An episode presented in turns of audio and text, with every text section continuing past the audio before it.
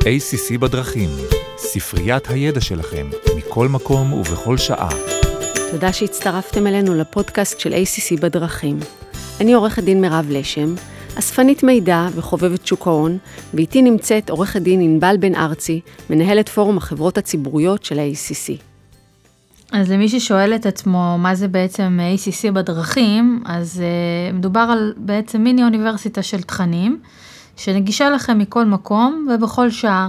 יש לנו בצנרת uh, פרקים על נושאים משפטיים מגוונים, כמו פרטיות, הגבלים, נדל"ן, דיני עבודה, ניירות ערך ועוד ועוד ועוד. מעניין. Uh, ואני מתרגשת להקליט עוד פרק באקדמיה המשודרת שלנו. היום אנחנו מארחות את עורך דין אבי גרוסמן, שותף וראש תחום הגבלים עסקיים במשרד AYR, אמה רייטר ז'אן שוחטוביץ' ושות', שידבר איתנו על חוק התחרות ועל האחריות שהוא מטיל על נושא משרה בחברה. אבי עבד שנים ברשות התחרות, כשכל הזקנים בינינו זוכרים שהייתה רשות ההגבלים העסקיים, כן? כן, לפי מה שאבי פה סיפר לי, הוא עבד שם 14 שנה. בתפקיד האחרון שלו הוא עמד בראש תחום תקשורת, הייטק, עניין. אז אה, אבי, קדימה, בוא תגיד שלום למאזינים שלנו. אהלן, שלום לכולם. אה, האמת, אחרי ה build-up שעשיתם לי כאן, אני נראה לי יכול ללכת, אני רק אהרוס, אז אה, אפשר ללכת? אה, זהו, שלום. לא מוותרות עליך. טוב, נו, אז נישאר. אה, לפני שנתחיל, אה, אנחנו עורכי דין פה כולם, אז קצת disclaimer קצר לא יזיק. הפודקאסט הוא פודקאסט מקצועי שמיועד להעשיר את הידע שלכם. הוא לא מחליף היכרות עם הדין, הוא לא מהווה ייעוץ משפטי. אם אתם עורכי דין, אה, זה צריך להיות לכם ברור. יאללה, זהו, תתחיל. אז ככה, לפני שנתחיל אני אספר שאני הצטרפתי לאחרונה אה, למשרד אה, YR. המשרד מונה כ-150 אה, עורכי דין, הוא מעניק שירותים לחברות ותאגידים במגוון תחומים, ביניהם ליטיגציה מסחרית, מקרקעין, תכנון ובנייה, קורפרייט, הייטק והון סיכון, הגבלים עסקיים ותחרות, תחום שאני מכיר אותו היטב, uh, פרטיות ואבטחת מידע, דיני עבודה, צווארון לבן, חדלות פירעון ועוד ועוד.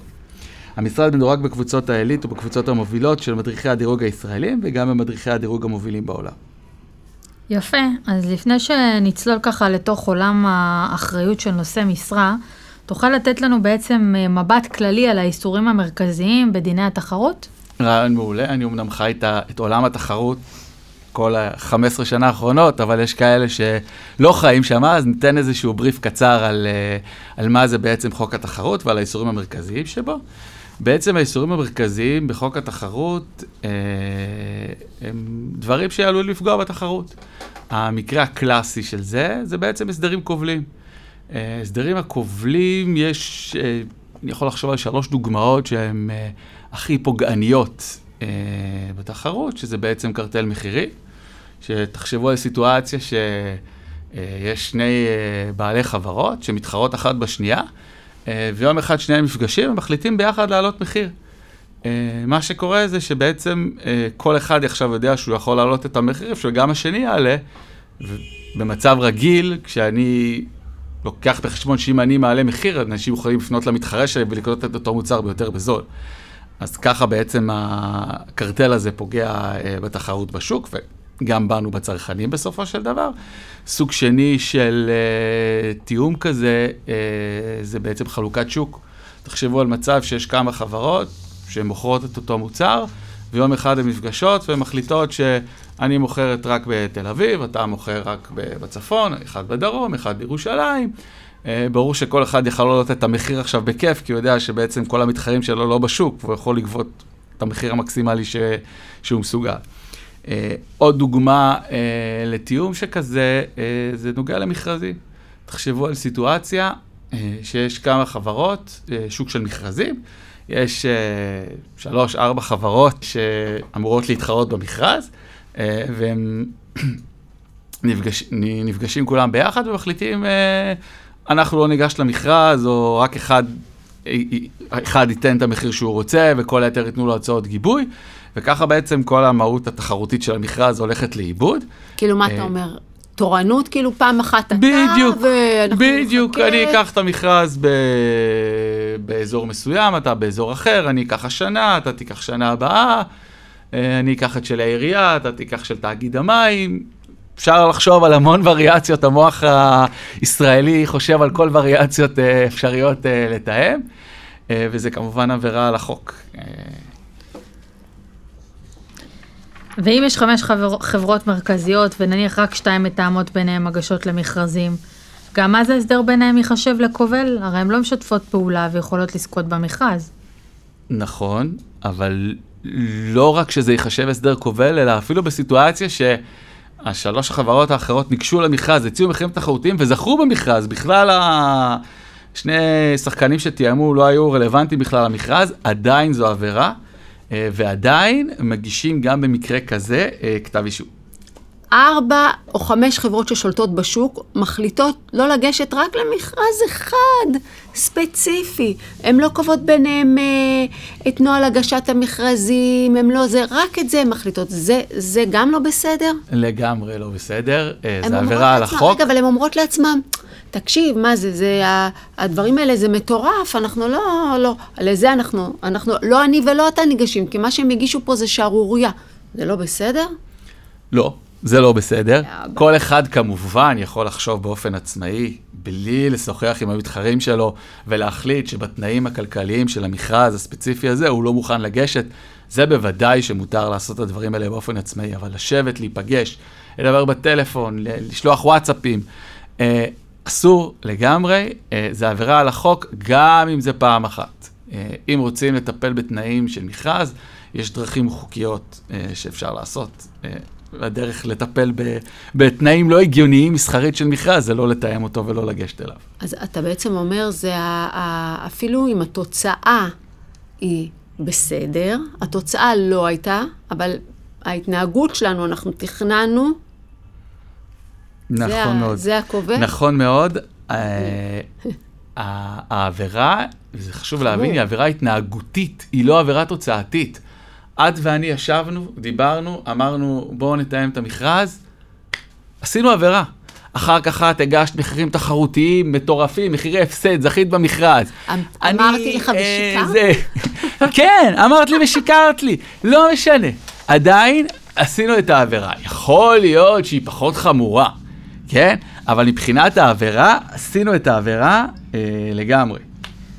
אה, זאת אומרת, אתה אומר שגם אם נפגשנו בבית קפה או בסופר, דיברנו ולא עשינו עם זה כלום, עדיין יש עם זה בעיה. נכון מאוד, דיברנו, הסכמנו, העבירה הושלמה בעצם.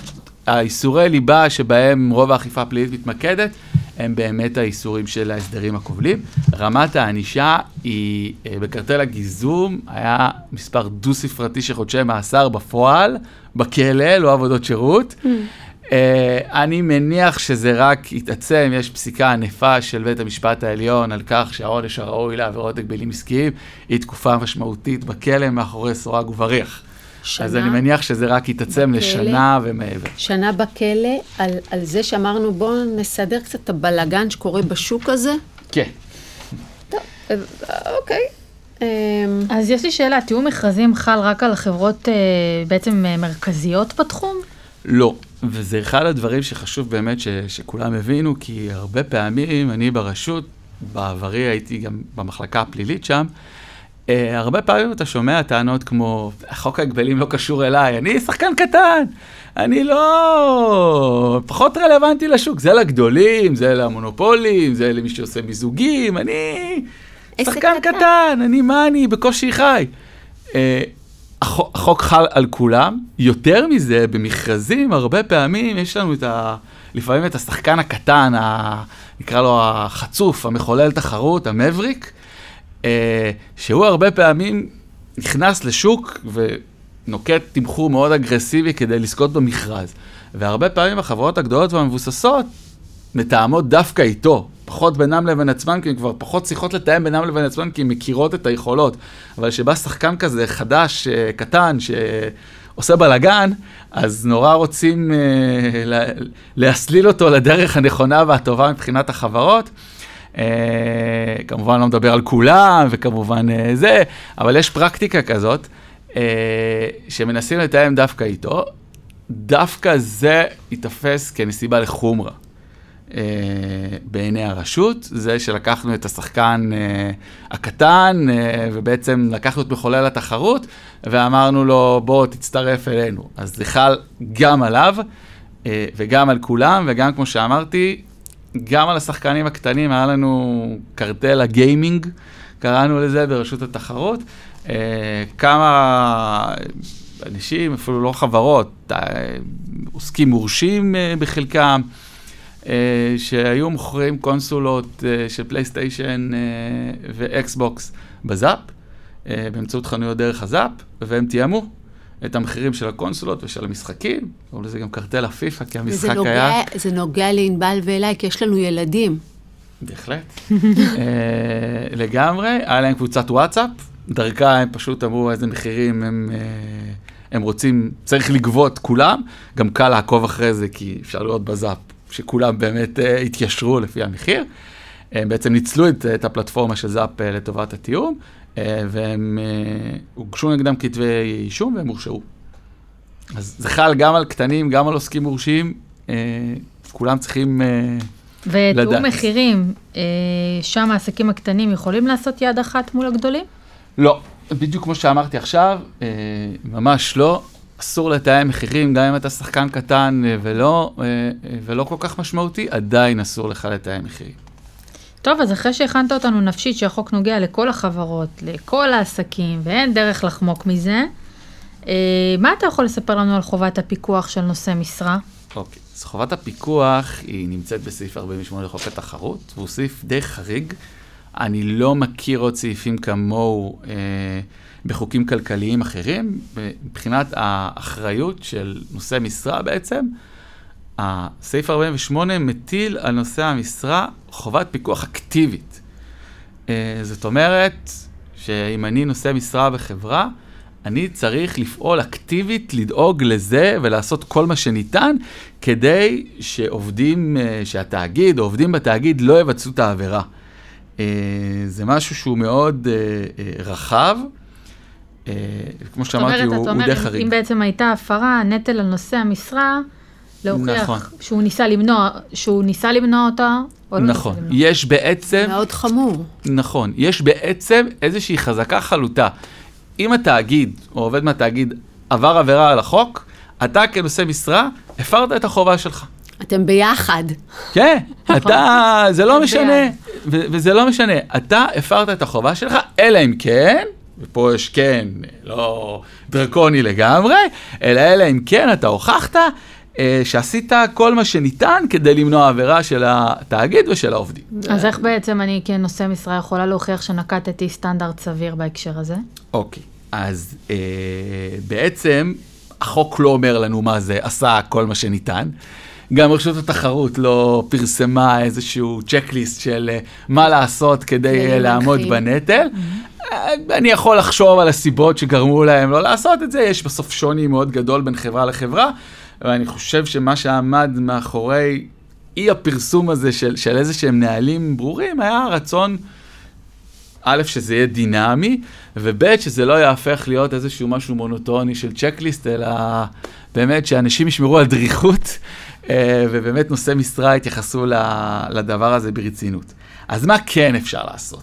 כדי באמת שלא יבואו אלינו, חס וחלילה, אם התאגיד יעבור עבירה, רגע. ויגידו לנו, רגע, רגע. התרשלתם. רגע, אני, אני, אני רוצה שתיתן לנו את המקרה קצה, הקיצוני, הכי אוקיי. שהיה לך. אז המקרה הכי קיצוני שאני מכיר בקשר לסעיף, עוד בתצורה הקודמת שלו, שהייתה... שתביא את ענבל. שהייתה פחות רחבה, היה מקרה בשנות ה-90 של האלף הקודם.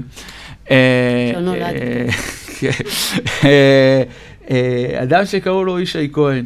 ישי כהן התמנה בשנת, בחודש נובמבר 1994, להיות מנכ"ל של חברה בשם המשביר לחקלאי.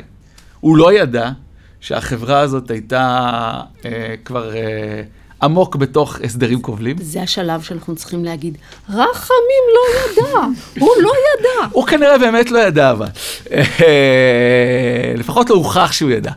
אה, והוא בעצם אה, התמנה להיות מנכ"ל בחודש ינואר 1995, שלושה חודשים אחרי שהוא נכנס לתפקיד, זו הייתה חברה שהיה צריך לעשות שם המון סדר, והייתה במצב די, די, די בעייתי. והוא התחיל אה, למנכ"ל בעצם את החברה. אה, בחודש ינואר 1995 חזרו להסדרים הכובלים. ישי כהן לא יודע שחוזרים להסדרים הכובלים, הוא לא יודע שיש הסדרים כובלים, הוא לא יודע שהם מתקשרים מחדש בהסדרים כובלים. נתפס, נתפסה, נתפס הקרטל, קרטל של חומרי הדברה, חנויות שמכרו חומרי, חומרי הדברה, ובעצם ישי כהן מועמד לדין לפי סעיף 48, ושלושה חודשים בתפקיד, הוא רק נכנס. אה, הוא לא ידע על הקרטל הקודם, לא הוא לא ידע מוגזם? שזה... לא קצת מוגזם? אה, לא, הבן אדם רק נכנס לתפקיד והוא אמור לדעת אה, ולגלות לא. עבירות? בית המשפט העליון קבע אה, שאולי זה לא הדבר הראשון, ביום הראשון או ביומיים הראשונים שצריך לעשות, אבל כן, בתקופת זמן הראשונה, ושלושה חודשים זו תקופת זמן ארוכה מבחינת בית המשפט העליון, כי הוא אישר את ההרשעה הזאת, כן? אה, צריך תוך כמה ימים להתחיל ולטפל גם בתחום של אה, תחרות והגבלים עסקיים ולוודא שהחברה לא עוברת עבירה. הוא הורשע, הוא קיבל קנס יחסית מינורי של עשרת אלפים שקל, אה, מה שהפריע לו בעיקר, מה שהפריע כמובן הייתה הרשעה פלילית, אבל זה אושר גם בבית המשפט העליון. אני, אז- לדעתי, היה צריך לתת לו, להמיר את זה במינהלי, ושידביר לי את הנמלים בבית. לגמרי. אני רוצה אז להחזיר אותך בעצם ל- לשאלה הקודמת, אה, של בעצם מה אפשר לעשות כדי, אנחנו כנושא משרה, להוכיח שעשינו כל מה שניתן כדי למלא את חובת הפיקוח. אוקיי, אז כמו שאמרתי, הרשות לא אמרה מה, מה ניתן לעשות, לא לפחות באיזשהו נוהל מסודר או באיזשהו גילוי דעת, אבל uh, מה שכן, uh, בגזר הדין האחרון שניתן בחודש יולי האחרון, יולי 22, אז יש שם בטיעונים לעונש, בא כוח הרשות, הביא דוגמאות לאיזה דברים אפשר לעשות כדי שייכנסו לעסק uh, uh, ככל שניתן. אז הדבר הראשון, שהוא כלי ותיק, שיש, קיים ב, בהמון uh, גופים ותאגידים, זה בעצם תוכנית אכיפה. תוכנית אכיפה שממוענת לתחום uh, חוק התחרות, לא תוכנית אכיפה של כל מיני דברים אחרים, יש הרבה גופים שמערבבים, מנסים אולי לערבב כל מיני דברים ביחד, לא. תוכנית האכיפה צריכה לעסוק אך ורק אה, בתחום התחרות, והיא צריכה להיות מותאמת אה, לפעילות של החברה.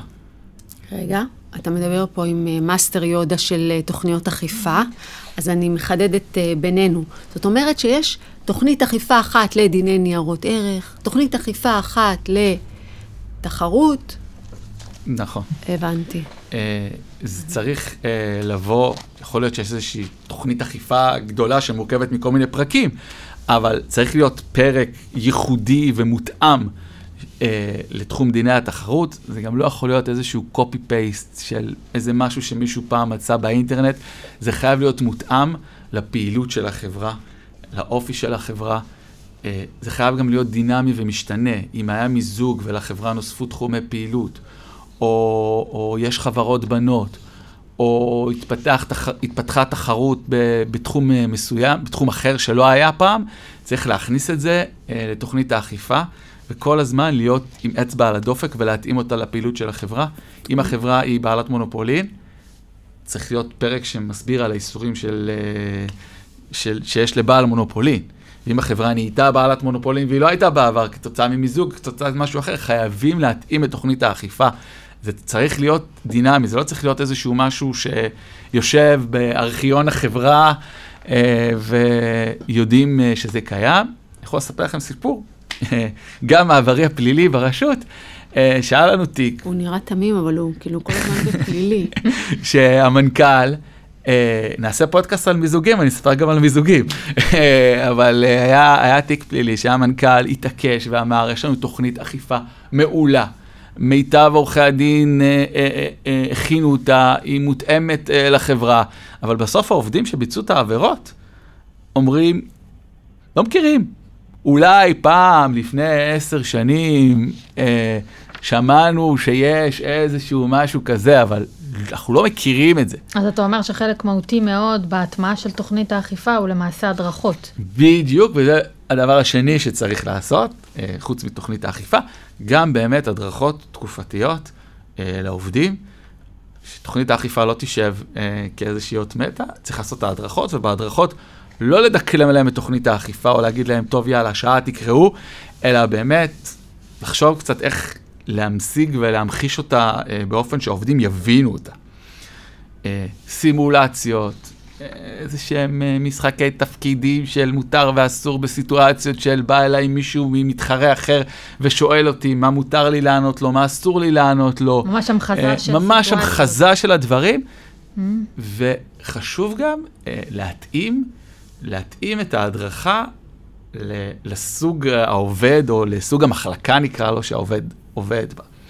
רגע, אה, אז אמרת הדרכות כזרוע בתוך התוכנית אכיפה פנימית. נכון. יש מן הסתם נהלים. נכון. ומה עוד? איזה בקרות או בדיקות אה, אתה מציע לעשות? לפני זה, אני, אה, לפני שנגיע לבקרות, שזה גם חלק חשוב מאוד, אה, מוצע גם למנות ממונה אכיפה אה, פנימי בחברה, Mm-hmm. שיהיה מישהו שיקח את זה על עצמו, וזה יהיה האחריות שלו, אבל שוב, חשוב שזה לא יהיה מהפה אל החוץ, אתה בין כל שאר התפקידים שלך, אה, גם ממונה אכיפה פנימית. מומחה, אה, אה. מניעה להטרדה מינית, אה, אה, ציות, אה, אכיפה, ואם את יכולה, אה, כן. כן. זה יכול להיות. את, זה יכול להיות הוא, זה יכול להיות הם.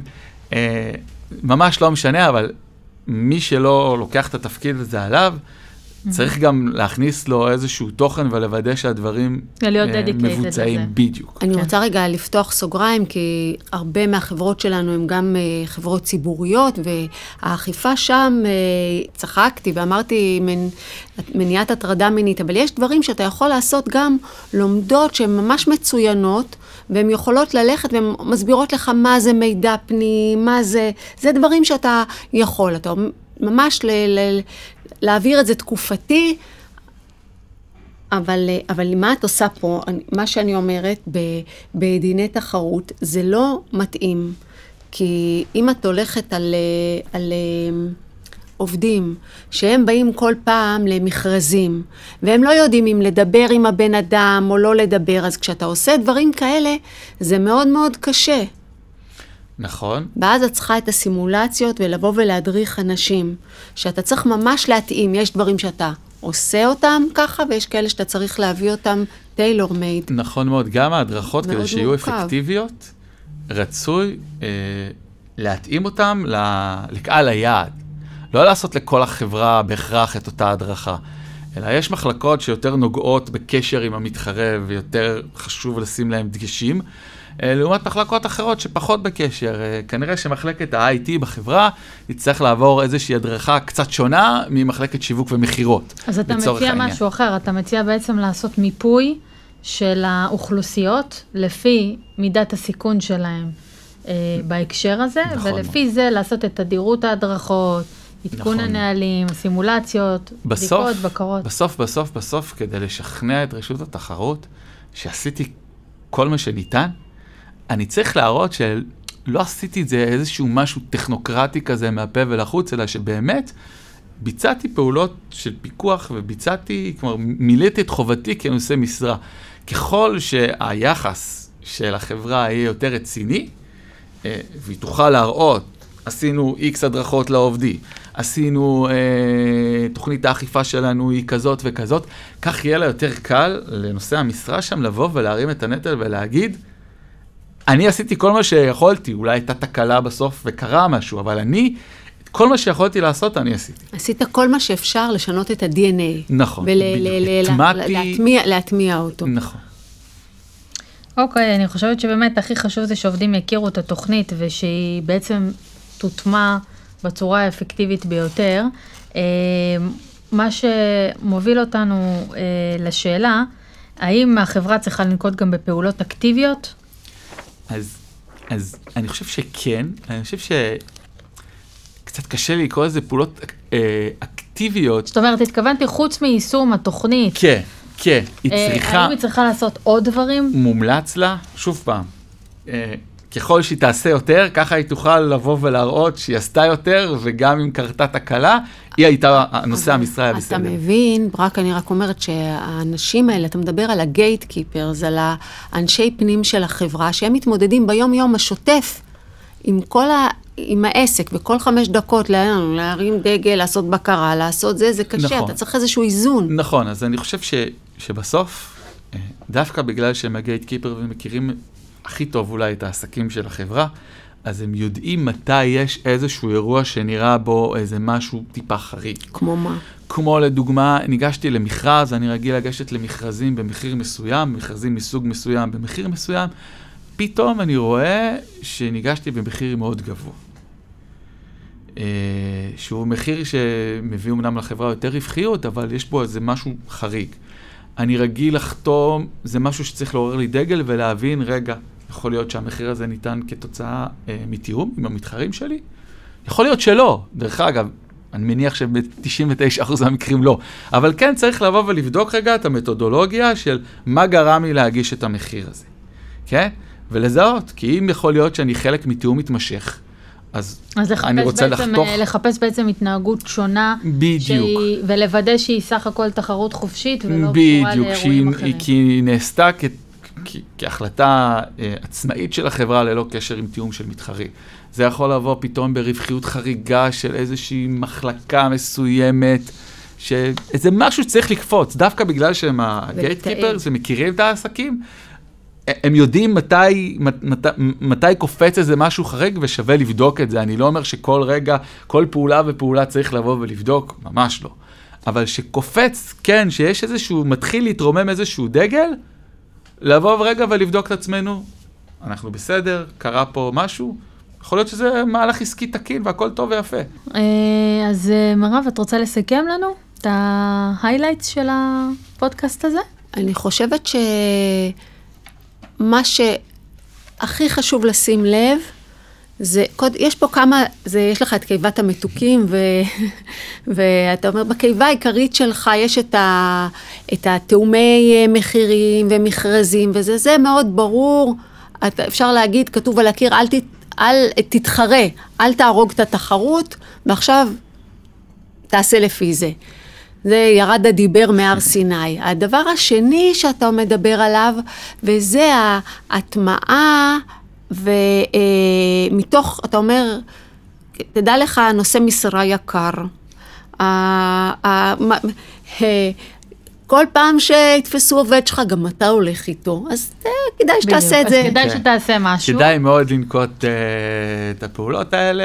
בעיק- אה, אני בעיקר יצאתי עם תחושה שחשוב מאוד להטמיע אה, תוכנית אחיפה אה, פנימית נכון. בתחום ההגבלים עסקיים לחברות שבאמת צריכות את זה ויש להן אה, ממשקים תחרותיים כאלה ואחרים. כן. אה, ואז באמת לעשות את התוכנית אפקטיבית ו- ואמיתית, שכוללת הדרכות, שכוללת נהלים, שכוללת בקרות, נכון. אה, לסכם את הממצאים, בעצם להעלות אותם, להציף אותם כשרואים חריגות, שיהיה בעצם אה, איזשהו אה, תיבת פניות או, או אמצעי פנייה למ- לממונה במידה ומצאו הפרות, ושבעצם ננסה לאתר פנימה כמה שיותר ליקויים והפרות לפני שמישהו אחר מאתר לנו אותם. נכון מאוד, באמת הבסיס זה תוכנית האכיפה.